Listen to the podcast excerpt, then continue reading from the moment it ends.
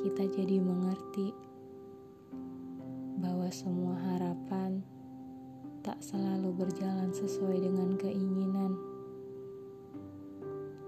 Kita disuruh berhenti. Tuhan ingin kita lebih banyak bersyukur.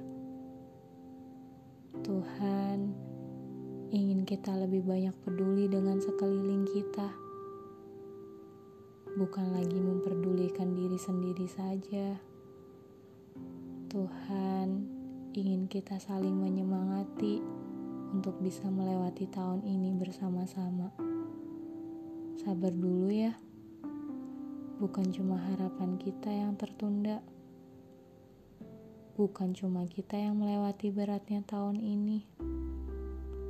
Hampir semua orang di muka bumi ini sedang merasakan hal yang sama.